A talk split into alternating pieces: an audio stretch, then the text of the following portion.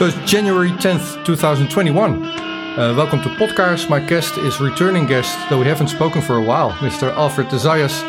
See if I get this right. Professor of international law and an expert in the field of human rights. And you teach at the Geneva School of Diplomacy. Welcome, Alfred de Zayas, again. Glad to be back. Welcome back. Yeah, and also back from the ski piste, I understand. You're in Switzerland and you're still allowed to ski there, aren't you? Yes, uh, and that's exactly why we were skiing all week because um, I expect the ski stations to be closed. Yeah. And uh, the downside is we had minus 12 degrees, it was cold, and uh, the restaurants on the slopes are closed. Yeah. The only thing you can do is get a takeout, and um, so you can have a warm hot chocolate or a uh, okay, okay. Novo Maltine, but you have to have it standing outside, and uh, you can't go in and sit down. I'm glad to see you in good health. Uh, mm-hmm. We last we spoke was in um, 2019. We did three conversations. Really? Yeah, I looked it up. We talked about Venezuela, Juan Guaido, and something's changed there. Europe doesn't see him as the as the rightful leader of Venezuela anymore. Did you catch that? uh, yes, I did. No, it's um, but it's a different topic. I say uh, the whole thing was a farce from day one. Yeah, we talked about that in February 2019. Uh, not unlike the farce with uh, Svetlana. I mean, you cannot have uh, Svetlana declared uh, the uh, elected president uh, of Belarus as yeah. Lithuania did. I exactly. mean, it's it's laughable. We also I mean, um, yeah. you you must actually have a level of uh, authority, level of control, so that you can say that you actually occupy that function, yeah, which neither Svetlana nor um, uh, Guaido did. Oh. But uh, let's see how it goes with uh, our new American president, Joe Biden. And uh, what I very much dislike is the vendetta that is going on against uh, Republicans and in particular against uh, Donald Trump. I find it most um, disgraceful of uh, a democracy to carry out a vendetta as is being carried out now. I mean, Trump uh, has made many mistakes. I have condemned uh, 90% of his policies, uh, but um, there's no way in the world that you can, um, unless he goes totally uh, crazy in the next 10 days, but you cannot invoke uh, Article 25 of the uh, Constitution. At this moment, Amendment 25 doesn't apply. And um, is that um, serious though? Are they really considering doing the 25th Amendment? That's what you're talking about? Uh, I've read a lot about it, and they are considering it, but they are moving forward uh, with yet another attempt uh, at impeachment. Yeah, yeah, he got that. Too. I find that the Democratic Party uh, has acted irresponsibly and very undemocratically over the last four years. Instead of saying, okay, uh, Hillary Clinton lost the election 2016, let's now try to reconcile the country. Instead of that, they invented Russiagate, they invented Ukraine Gate, they impeached uh, the president unsuccessfully, but they have wasted national resources and uh, actually the wealth and the time that was uh, simply squandered into a four year vendetta uh, against uh, uh, Trump. It's not surprising uh, that the Republicans are acting, shall we say, intransigently because they don't want to accept the fact that they lost the election, as Hillary Clinton didn't want to accept the fact that yeah. she lost the election. But uh, the mainstream media in the United States, the plutocratic media that we have, has been disinforming the American public systematically, has been actually throwing fuel on the fire I mean, I must say um, the Democratic Party is acting like pyromaniacs. Uh, do they really want uh, the country to implode, or do we want to have a civil war?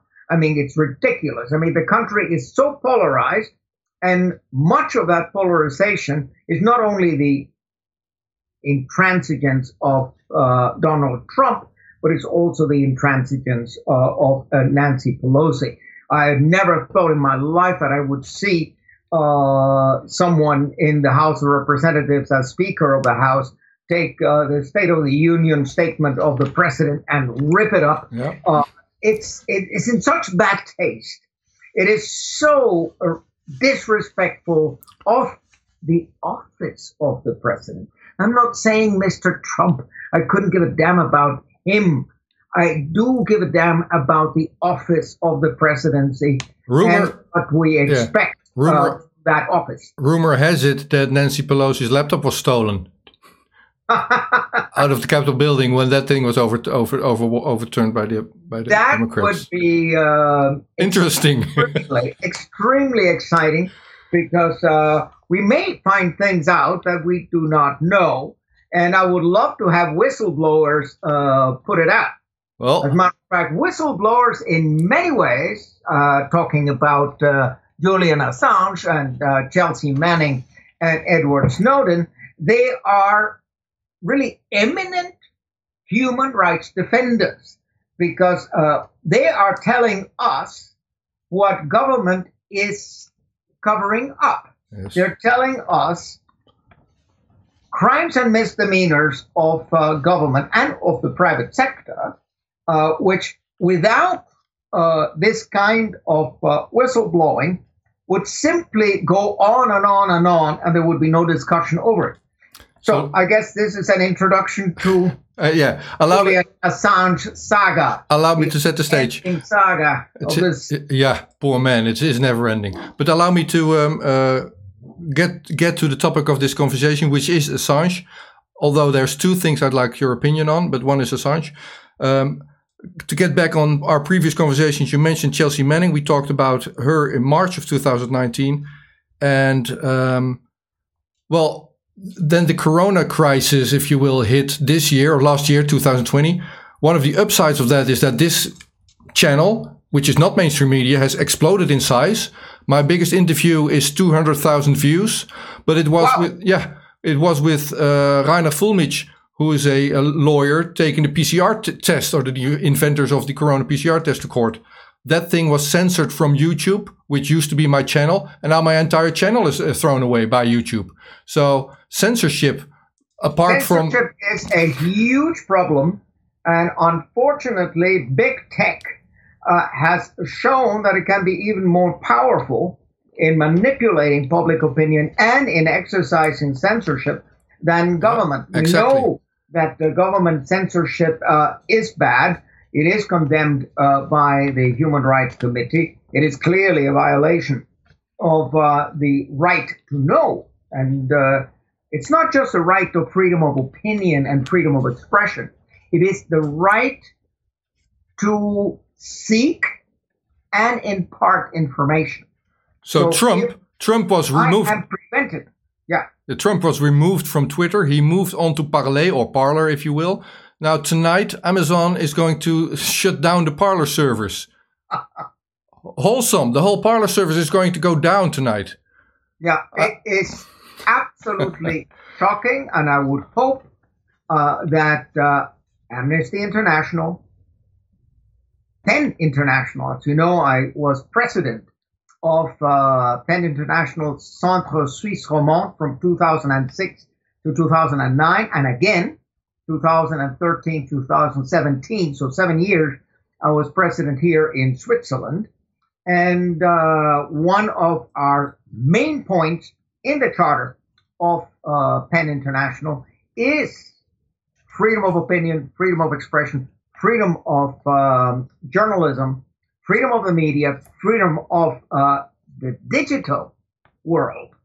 And uh, this is, is, a frontal attack on it, and it is uh, unacceptable. And I hope that cases will go to the uh, European Court of Human Rights, and that we in the Human Rights Committee will receive also cases concerning the violation of the right to know. Exactly. Article 19, paragraph 2, as I said, of the International Covenant on Civil and Political Rights establishes this right to know. So if you are being censored, it's like you uh, are taken down. So then I no longer have the opportunity to hear you. Exactly. That is a violation not only of your right, it's a violation of my right. Yeah, exactly. I have a right to know what you want to tell me. Okay. So uh, this is something that should be tested in the courts in the Netherlands because the Netherlands applies the covenant on civil and political rights directly. So you can go to the Dutch judge and invoke not just Dutch legislation, you can invoke Article 19 of the Covenant on Civil and Political Rights and say that your right to know, my right to know, is being violated by Twitter, by Amazon, by, and the government has to do something about it. Okay. I, I have a question on Dutch law, and that, that extends on what you just said. So I, I want to not go into that right now, but after we talk Assange, no, we'll go into the PCRs later. Yeah, yeah, I've been looking into it. But but just to answer what you just, um, yeah, exactly. So uh, bear with me. To answer what you just said, we have taken the Dutch state to court already over censorship by big tech. Uh, we have taken Google and Facebook to court already in the Netherlands over their censorship. Situation is, is that our Minister of the Interior has made statements on national television saying, well, I would like to, in my words, I would like to censor, she said, uh, these, these fake news channels. Uh, however, I, I, can't do that being government. I mean, there's vertical uh, laws saying that you're protected from government censorship. So I will look into different approaches. Now, big tech is serving my Minister of the Interior by doing the censorship for them. Now, our judge has ruled that a Google, a Facebook is allowed to censor channels away because uh, freedom of expression or freedom to, to find information is not a horizontal function. Come to the Human Rights Committee and present a case because you've made an effort to exhaust domestic remedies domestic remedies have not given you uh, a remedy, has not given you uh, the opportunity of reestablishing your right to know, come to the Human Rights Committee. You can also go to the European Court uh, of Human Rights, but the Human Rights Committee is likely to be faster. And my colleague, the Special Rapporteur on Freedom of Opinion and Expression, that is the former director of uh, Amnesty International, Irene Khan. Irene Khan from Bangladesh, who has been uh, professor at various universities. She is now, for, for six months now, the uh, new rapporteur on uh, freedom of expression. She should get all of this information as a complaint against Amazon, against Google, against uh, okay. Twitter, and also against the Netherlands for not vindicating, for not defending uh, your right to know. Exactly. Okay, we will do that. Thank you for that. Now, the, the second topic of this conversation that I want to touch upon after we do Assange is uh, what we have now currently in the Netherlands. This Friday, so this is recorded on a Sunday, so two days ago, a judge ruled in favor of the Dutch state. Now, the Dutch state says to its citizens, hey, if you're abroad and you want to take a plane back home, before you board the plane, you have to present that, that carrier a negative PCR corona test result. If you do not, because you don't want that invasive medical procedure, or you can't find a test, or you can't find a recent test because it may not be older than 72 hours, you're not allowed to board the plane. You're not allowed to return home. If the test turns out positive, even though you're not sick or not infectious, you're not allowed to return home with that plane. Now, this is I'm setting the ground here. I, I, don't respond to this just yet. We will talk about the Assange situation and then we'll move into this PCR test requirement in the Netherlands, if you will. Mr. de we talked about Assange a couple of times. You have visited him in the Ecuadorian embassy uh, at least once. I, I, saw the picture that you sent me last time we spoke. Uh, now, last Monday, the judge in London ruled that he is not to be extradited. Um, would you to set the stage, how would you summarize the judge's ruling uh, last Monday? I consider it a frontal attack on the rule of law. a frontal attack on established principles of uh, international law because she has actually copped out. It is a disgrace of a judgment. Instead of addressing the issues, the issues are press freedom, the public interest in the exposure of government misconduct, the prohibition of political offense extraditions, the absolute principle, the jus cogens, peremptory international law principle of non-refoulement, the U.S. failure to provide fair trials to national security defendants, Chelsea Manning, classical example. I mean, these are the issues that had to be decided. And what did this judge do? Dismissed all of those issues.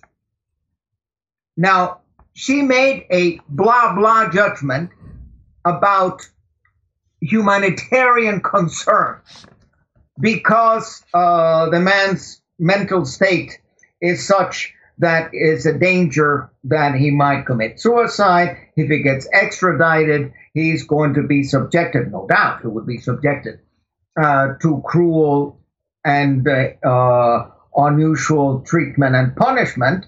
Uh, and because of that, he should not be extradited. She has not addressed the shocking dossier that here a man has been subjected to arbitrary detention for 10 years.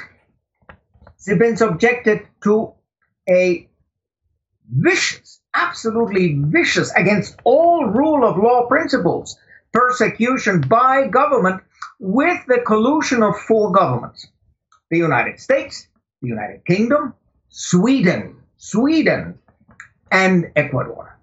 I mean, it is inconceivable that with a absolutely false fake news situation of rape, it was never rape. It was never a question of rape in uh, in Sweden. The two women both said that it was consensual sex. It's just that they didn't want to use a condom. But in any event, this thing was a frame up. It was planned. And my colleague, Nils Melzer, the rapporteur on torture, has taken up the case. And he's really uh, studied it thoroughly. And he is shocked beyond description at seeing four countries ostensibly committed to the rule of law corrupting the rule of law, participating in what we call these days lawfare, actually misusing the administration of justice to persecute a whistleblower. Now, here we have a situation of torture. It's very much in the mandate of Professor Nils uh, Melzer, because, first of all, Assange, and this is in the public interest, Assange disclosed torture by the United States in Iraq and in uh, Afghanistan. So here there's a matter if there is torture, there's an obligation under the Convention Against Torture. The United Kingdom is a state party to that. There's an obligation of the United Kingdom to investigate these things because torture was committed not only by the United States, but also by the United Kingdom, by Australian soldiers, by other uh, members of NATO. And uh, so there's a, positive obligation imposed by the Con- Convention Against Torture to investigate. But it's not just that, it's the fact that Assange has been uh, subjected to a kind of uh, psychological terror state terror by the United States, by the United Kingdom, by Sweden, uh, by Ecuador that has had a horrendous impact on his mental health, on his physical health. And so that's again something that falls within the domain of uh, so, Professor Nils Melzer. And then the, the last point, of course, is clearly if he were to be extradited to the United States, which I don't see happening, because I don't think the United Kingdom uh, would dare do that uh, in the light of England's uh, obligation to observe the um, Convention Against Torture and the obligation to observe the European Convention on Human Rights and Fundamental Freedoms. So this case would e- immediately go to the European Court of Human Rights. But the man would then be kept all the time in a maximum security uh, uh, prison in solitary confinement uh, so that his mental condition will continue uh, to aggravate. And of course, what they all want is why doesn't the man finally die? I mean, exactly just, just, get rid okay. of him. If, if we I mean, let's hope that we create conditions that he either commits suicide in Belmarsh uh, or that he goes totally, totally bananas. Or just dies. I mean, uh, heating is off in Belmarsh for the second time. And he's been sent blankets by his family, by his fiancee, which do not arrive. So it's it, he's still being tortured, and it, it uh, from the looks of it, it would no, you don't. You don't go into motive, but I, I feel there would be par- state parties that would rather see him die in Belmarsh than than have to oh, discuss extradition. Hang on. Um, you mentioned Nils Melzer. I interviewed him as well, and he said, "Yeah, I'm the rapporteur on torture, but my mandate is is not so that I can can enforce an investigation or action taken. I can just address the United States or Sweden or Ecuador or United Kingdom, which he has done. So, which he has done, and the re- hang on. Yeah, fair enough courage. But the response he's gotten is none, or well, we see things differently, and then that's end, end of discussion for his mandate, basically. So, but we I want to stick to these court proceedings last week and not move yeah. into uh, uh, that part. I interviewed the current editor in chief of WikiLeaks, uh, Kristinn Hrafnsson, uh, on November third. Uh, last year on the trial proceedings that took place in September. So the extradition case was being presented in September, and he said um, that in his uh, uh, assessment, it, it was to be considered a mistrial with the overwhelming evidence in favor of Assange. Now, there's two two sides to that. One is the evidence that you just gave, uh, the whole uh, house arrest, if you will, the the the, the political asylum, asylum in the, uh, in Ecuador that he got, uh, the allegations of rape and all the other things. Clearly, and, and the eavesdropping, the, the listening in on him in the Ecuadorian embassy, all these things and he wasn't allowed to. I can go on and on. He wasn't allowed to talk to his lawyers. That's mistrial. But so that's one part of, of things that the judge should have taken into account. But Kristinn Hrafnsson also said, matter of fact, the fact that she didn't shows to me how political this case is, exactly. and how much politics dictates the judgment. This is a political judgment. This has nothing to do uh, with uh, British law or with uh, human rights law or with uh, principles of international law. Here, quite clearly, you're seeing lawfare conducted brutally, viciously uh, against an individual who's actually done you a service, he's done me a service, he's done every American and every world citizen a favor by uncovering how governments commit war crimes and crimes against humanity in total impunity. Yeah, fair enough. That's true. So hang on. I'll, I just I want to wrap up on. A, I'm moving into a question based on the um, interview that Kristinn Hrafnsson did in, in November. So uh, uh, he said it's uh, it's it's to be considered a mistrial. Well, the judge didn't go into that, to my understanding, in her ruling.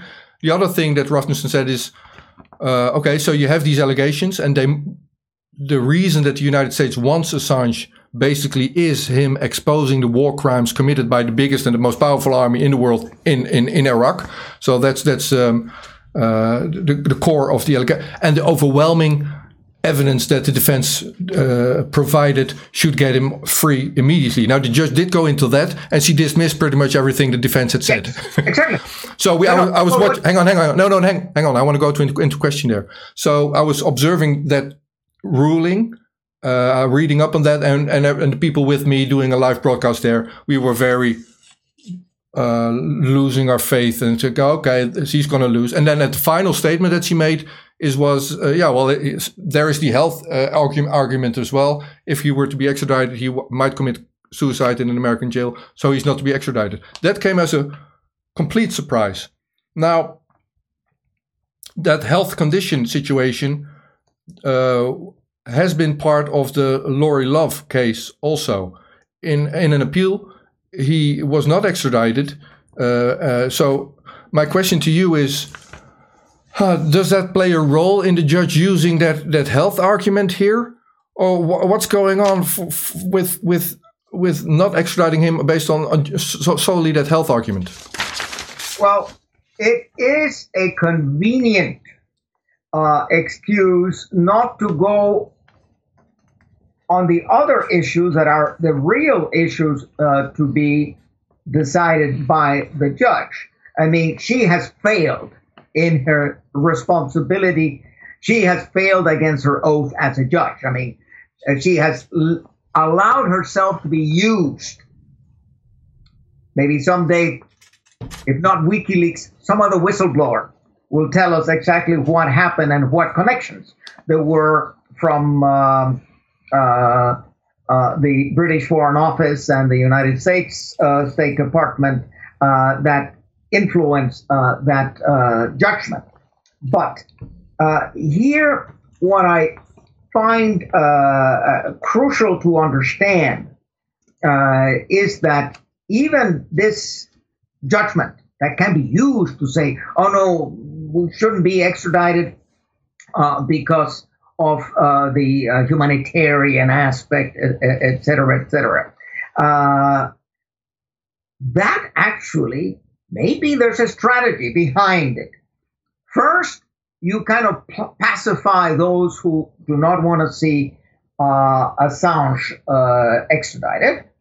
So at least he won't be extradited immediately. Then you still stretch it out for a year and a half in another proceeding. Maybe he dies in that period. And maybe at the end of the day, the United States, this new wonderful President Joe Biden, gives assurances to uh, the British government that he will be treated well, that he will not be subjected to any kind of um, torture or ill treatment, etc. And then because it's Joe Biden and not Donald Trump, then the um, Bojo will say, okay, fine, you know, here you go. That will so, be my uh, question. Uh, so, United States has already said they will appeal this this ruling. So they, they don't agree and they want to seek a higher judge. How do you appeal against this ruling then? Just by saying we got a we got a five star prison and he's not going to die there? Is that is that their argument? Uh, well, that's yeah, that, that's part of the argument. Uh, the the argument is that no, no, we uh, we will treat them well, and it's not true uh, that we torture anybody in American prisons, etc., etc. They will provide all sorts of blah blah arguments, and if the court is in bad faith, and the court is in bad faith, the court has shown that it is in bad faith. They will stretch for a year and a half, and after a year and a half, they will then say, we are satisfied that the assurances given by the United States are valid and in good faith, so we will grant uh, extradition. Then, of course, he would have to go to the European Court of Human Rights and appeal against uh, his extradition.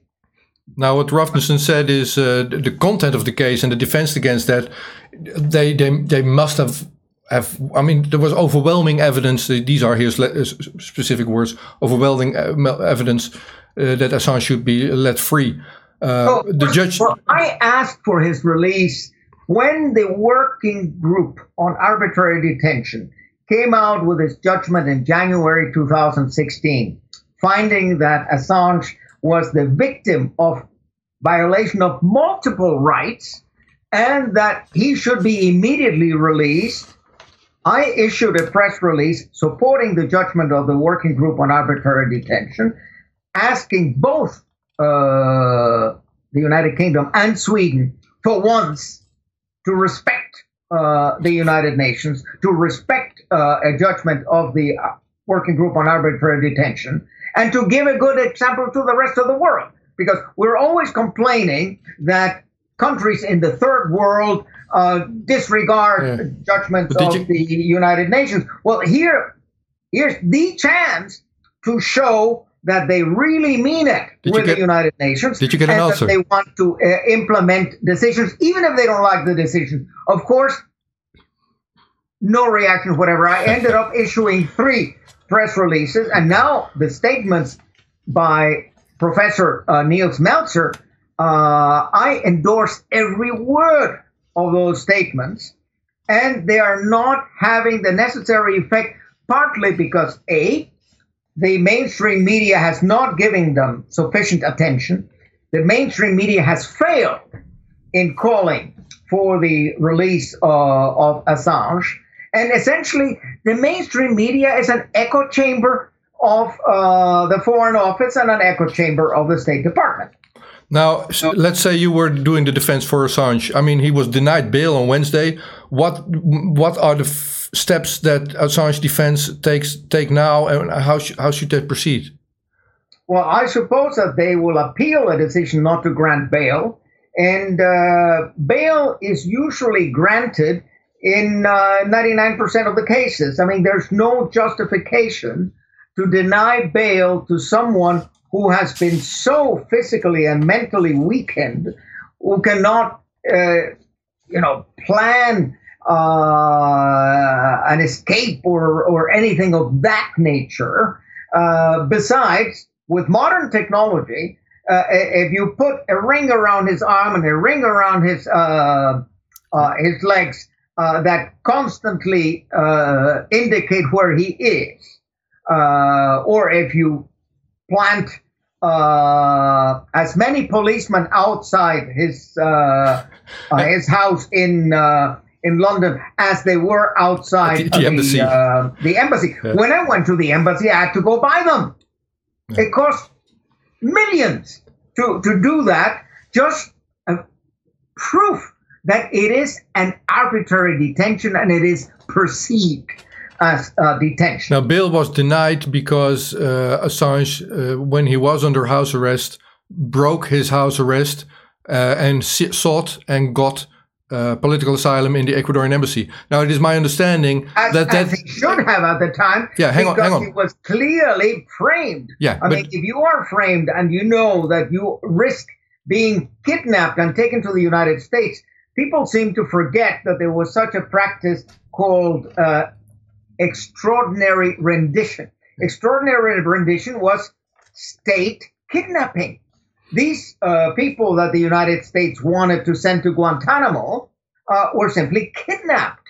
So Assange could very easily have been kidnapped uh, in um, uh, in London uh, and uh, and sent to Guantanamo. and he chose, and rightly so, because at that time Ecuador had a democratically elected president who actually believed in human rights and believed in asylum, and he granted him asylum in uh, the embassy in London. So but after uh, the 10 years of Rafael Correa, came in a traitor, came in uh, Lenin Moreno, who has uh, actually, he gets elected to continue on a platform to continue the policies of Rafael Correa because he, he was supposed to be the left wing candidate campaigning against the right wing candidate who was Guillermo Lasso. So he wins the election on Rafael Correa's platform. And then he completely turns around. Yeah. So, I mean, uh, Lenin Moreno is a turncoat.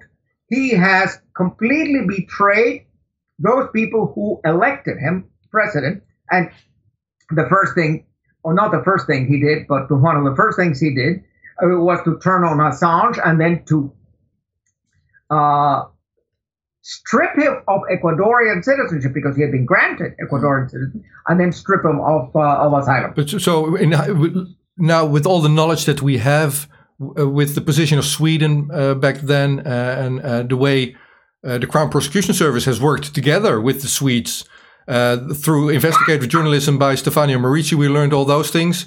So uh, Assange was right to seek asylum and uh, Ecuador's right to grant him asylum. My question was, And, and that will be then the last question on the Assange case, and then we move into the, the Dutch situation with the PCR test requirement. But the last question would be um, if you get political asylum, and rightfully so, and we know now that it was rightfully so, he, he was totally correct in his assumption that he would be that he would be kidnapped and sent off to America. That cannot be a violation of, of house arrest then. Uh, it cannot be a violation of bail. It cannot be presented by the judge as he has jumped bail last time, can it? Of course not. But I mean, the problem is. so, the what's the rule of law in UK then? Yeah. I mean, here you have to understand the Assange case as more than just that. The Assange case, in a way, uh, is just uh, evidence of a breakdown of the rule of law in the United States, in the United Kingdom, in uh, Sweden. Uh, it's uh, evidence of the penetration of uh, the state into the administration of criminal justice. I mean, the uh, documentation laid out by Professor Nils Melzer on uh, the pressures brought by the United States on Sweden to reopen the so called rape case and uh, not to interview him because that's one of the amazing uh, situations. If you have a case of uh, rape, well, make an indictment. They never made an indictment no, because they didn't have enough to make an indictment. If you cannot make an indictment, then at least here, Assange. Assange was always cooperative.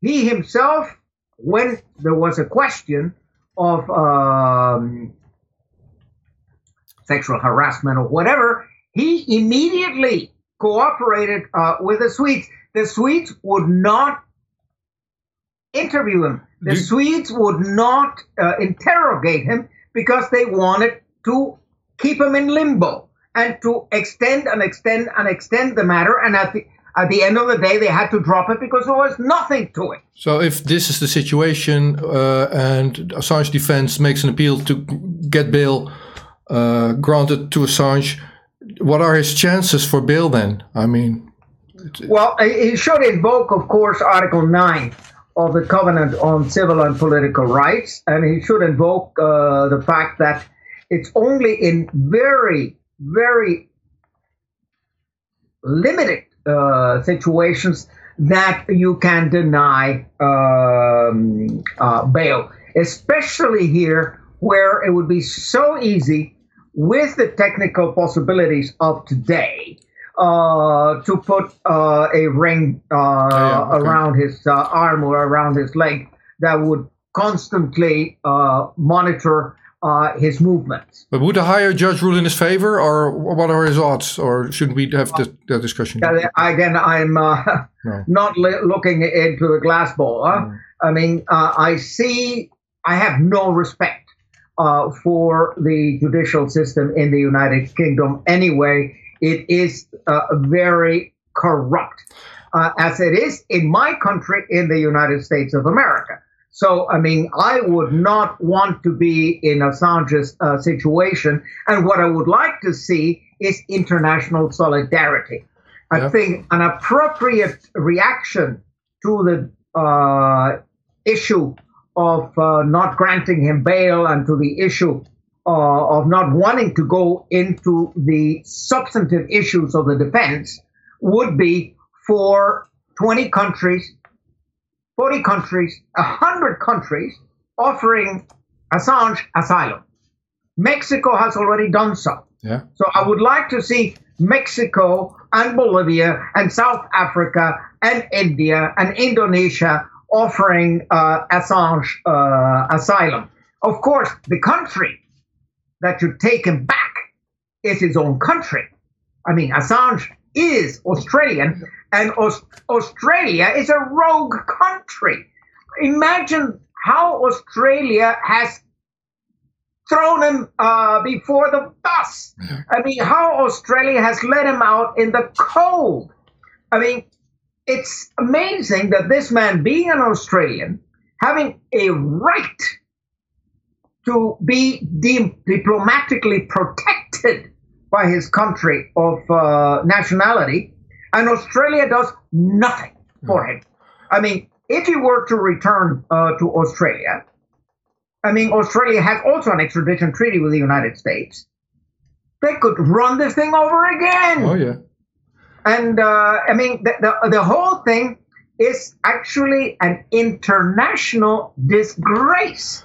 It's a breakdown of respect for law, and it's a breakdown of uh, accountability. Because what is Yeah, exactly. here behind the whole thing is intimidation. The United States and the United Kingdom and Sweden and everybody who is on this uh, boat together, what they are doing is to intimidate any potential whistleblower say, don't you dare ever disclose our crimes because uh, we will prosecute you until the death. I mean, this is the chilling effect, and that is the meaning of the Assange case. So, as much as we always talk about accountability and let's have the International Criminal Court prosecute all of these um, African ousted leaders and these African military um, uh, figures, etc., uh, it's just hypocrisy. It's double standard. But you know, we, we're going to leave the Assange uh, uh, topic uh, there. Uh, but, but on the flip side of that, uh, it's not working. I mean, uh, over the last year, the alternative media channels, such as my own, they're exploding in size, and the people are looking at that content. So people aren't being intimidated. So it's, and also, let, we're going to move into the PCR test in a moment. So the, the, the corona test that everybody takes in the world is based on a PCR mechanism. So PCR is a, is a technique, and if you Yeah. design a test with that, uh, then well, you you can find stuff. I mean, that's what that's what that technique is. Now the design is flawed, according to twenty uh, academic researchers who who volunteered a retraction paper uh, to, uh, to yeah to, to retract basically the PCR test that's being used all over the world. So those have a, a false positive and you also kind of have a false negative. Exactly. Uh, on the other hand, I, I, I'm not against the PCR test, except that the issue uh, at hand is whether you can keep uh, Dutch. Yeah, hang on. Yeah, I'm going to move in there. So let, hang on, hang on, bear with me. So those those researchers that are uh, challenging the validity of the PCR test for the coronavirus, they are whistleblowers in their own right. So there's hope there as well. So th- there's all kinds of things uh, happening. Just a moment ago, uh, uh, at the end of the Assange discussion, you said you have no faith in the rule of law in the United States, no faith in the rule of law in the United Kingdom. Well, let's move into the Netherlands now. Uh, in the Netherlands, if you're abroad, you you're you have to undergo a invasive medical procedure like the, the corona PCR test, uh, and if you cannot show a negative result, uh, you're not allowed back in your country. Now, you are a professor of international law and an expert on the field of human rights. I feel I'm not, but I feel my, my international uh, law and, and, and human rights are being violated by my own country. What's your assessment of this situation in the Netherlands? Well, it is uh, customary international law that every state is obliged uh, to take back uh, its own citizens. I mean, uh, you cannot quasi exile your citizens by denying them entry into the own country. Of course, when they arrive in uh, the Netherlands, they can be put into quarantine Fair enough. or they can be given the PCR test in the Netherlands, but not ahead of time. They do have a right to return. As far as international law, international human rights law, you have Article 12 of the Covenant on Civil and Political Rights. Article 12, paragraph 4, very clear. Every uh, citizen has a right to return to his own country. So that actually excludes the idea of exile. But uh, Article 12 can be derogated from in a situation of national emergency that threatens the survival of a nation, which is certainly not COVID. I mean, we're not there yet. But uh, in order to derogate from Article 9 or Article 12 or Article 19, you would have to first show that there is that kind of a national emergency that endangers the survival of the nation as such, pretty high threshold. And you would have to notify it uh, to the Secretary General of the United Nations. It's not just something that you do at home and say, we're going to derogate, we have a right to derogate. You have to justify and you have to notify it. And then you have to show that it is uh, a temporary measure that will be removed as soon as the emergency is over. So I think that here um, the um, uh, the Dutch uh, uh, legislators are going way beyond uh, what is proportional to the danger. Uh, I mean, a citizen has a right to come back to his country, point final. I mean, it, it, it's an extremely uh, rare, rare situation in which you could deny that. Uh, you must satisfy a very, very high threshold of national emergency to, to allow that. Okay, let me let me describe the, the legal proceedings that took place over the last week and a half. So there was an actual family in Zanzibar, and they uh, had their flight booked back, and they said, well, we, we cannot in, in our physical situation that we're in undergo that test and show that negative result, even if we wanted to. And they took the judge, the Dutch uh, state, to court through their lawyer in the Netherlands. Now that judge, so there was a, an emergency proceeding, right? Because they wanted to fly back a couple of days later. So, so it was a quick proceeding. That judge wrote his verdict in the night. And I'm not making this up. I'm, I'm going to explain how, how that went uh, later on in, in this explanation. So he wrote it in the night the, the day before New Year's Eve. and he presented his verdict on December 31st at 11 a.m. And he said, these people are allowed to back into the Netherlands, but he went further. He had his verdict ready, and he said, "Well, the Netherlands is out of line, and because of these these uh, uh, yeah uh, uh because of these reasons, the, the ones that you just mentioned, also." So he made a proper verdict. Now that triggered something in the Netherlands, apparently, because our political leaders, our ministers, over the weekend changed the law.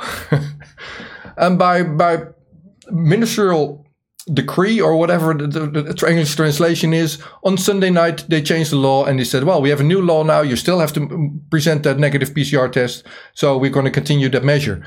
The Dutch state was and this family had already flown back, so they were back in the Netherlands on, on the Monday morning. So for this family that did that first court proceeding, oh, I lost my own image. Hang on, I have to. Oh, I'm back.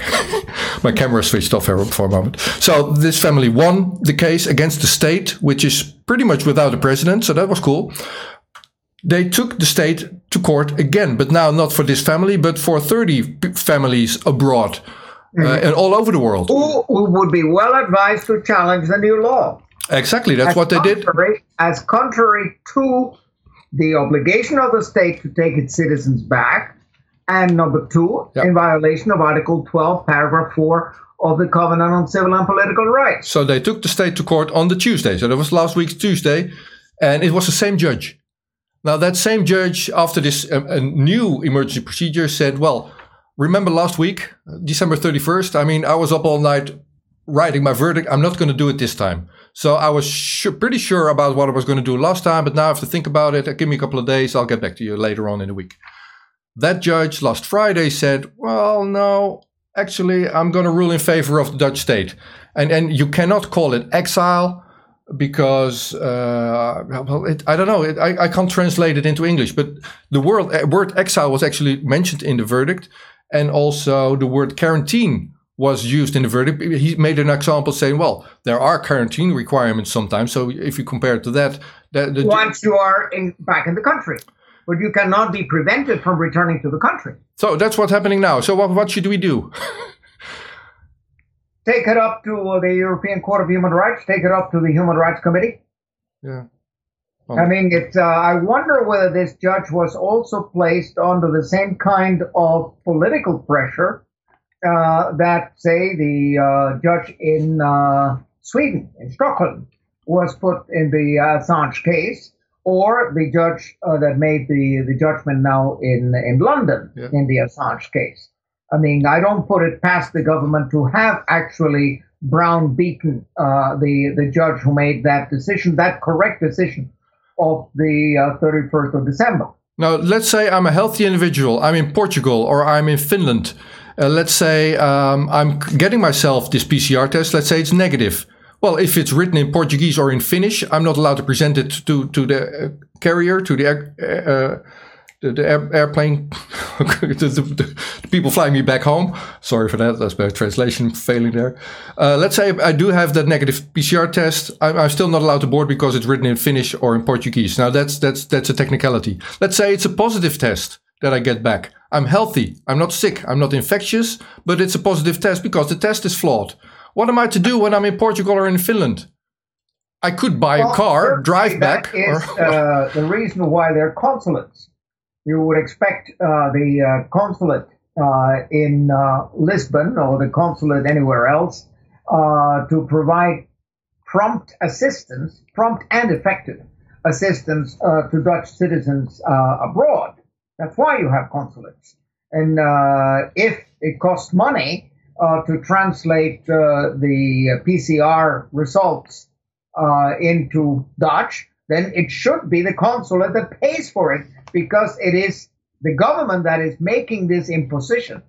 I mean, a normal individual wouldn't go and do a PCR test unless he has some kind of symptoms, unless he's been in contact with people who have COVID and says, I think it's prudent to do the PCR.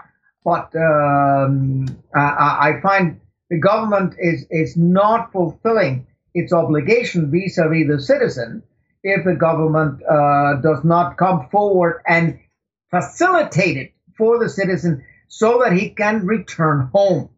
I mean, I think that here again, there's a certain instrumentalization in this affair, as I see so much more and more actually, the instrumentalization of uh, domestic law and international law for other reasons. I think that this law has one purpose intimidation. The idea is don't you dare go and go abroad. I mean, we don't want you to go abroad, point final.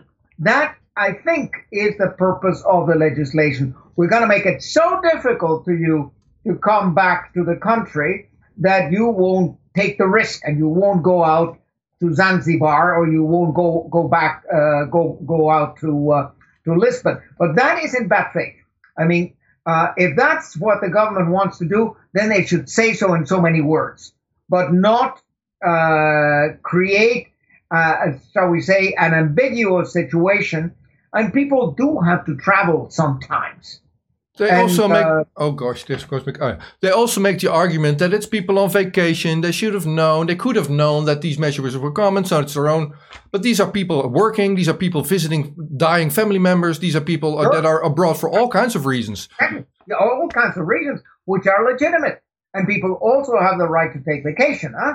But in any event, I'm not saying that people should go out and take vacation. Is the But uh, are the I, Netherlands? I'm saying that let people make their own decisions. I mean, that's that's why we are free men and free women. yeah, well, we're not anymore. Is the We're responsible, but the government has to be responsible too. The government has to be transparent. The government should not manipulate information, should not intimidate uh, the citizen, and should use its consulates to help those Dutch citizens who are abroad in coming back home safely and in dignity as soon as possible. are the Netherlands setting a new precedent here? Because I feel they're the only one currently denying their own citizens entry into airplane. Do you? Uh, apparently, yes. I have not heard about any other country doing that. Okay. And I do not recommend it. But I mean, in order to do that, as I said, which is a violation of Article 12, Paragraph 4 of the Covenant on Civil and Political Rights, you would have to derogate from that article. You would have to notify the Secretary General, and you would have to pass that very, very high threshold and explain why this is proportional to the danger. So now, having done this discussion, uh, just before we started this about the Dutch PCR test requirement, you said I lost faith in the United States rule of law and United Kingdom rule of law. If you're got, if you're to make a top three, how's the Netherlands doing in in violation of these things? Oh, is... I would tend to think uh, we take the cake in the United States. I mean, uh, Still, uh, yeah. the violation of the rule of law in the United States uh, has become uh, unfortunately, unfortunately, uh, widespread. And in the United Kingdom, as a lapdog of uh, Washington, it's also very widespread. I mean, I would like to see the Netherlands. You know that my wife is Dutch, and I love the Netherlands, and we have a lovely place in Noordwijk aan Zee. And I love to get back to my apartment in Noordwijk, but again, I can't. Uh, in any event, the only purpose to go to Netherlands is to see family to see friends. Okay. And I'm not going to go to the Netherlands and be quarantined in my apartment. Has no sense. Uh, so, as I say, I hope uh, that, uh, like very often in Netherlands, uh, common sense uh, seems uh, seems to win out. The the Dutch are not as fanatical or as um, well, intransigent uh, as Americans or as uh, Brits uh, can be. So uh, I thank you for the opportunity of saying these few things uh, in your program.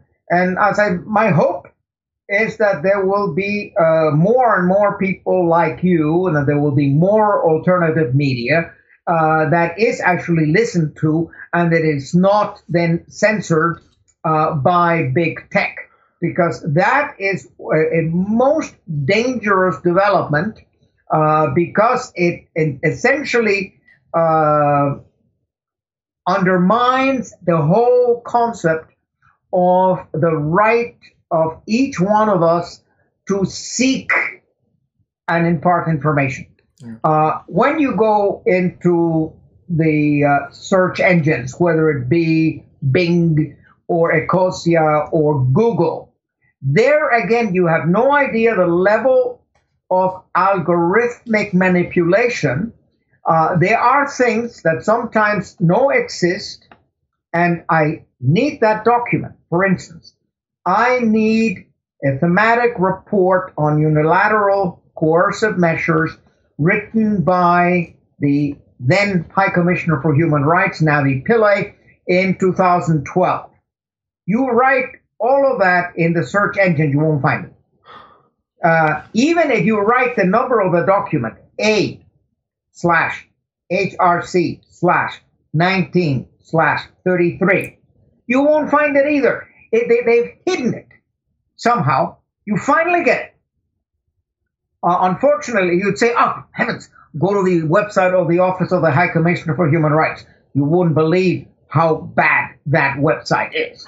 but in any event, uh, in any event, you would think that because it is in the website of the Office of the High Commissioner for Human Rights, you it would simply be picked up quickly by the search engine.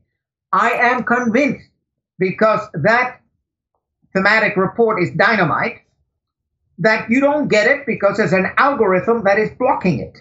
So it doesn't come up uh, in the search results. Yeah, we start all sorts of other crap, we, but not that. We started this conversation. We're going to end here.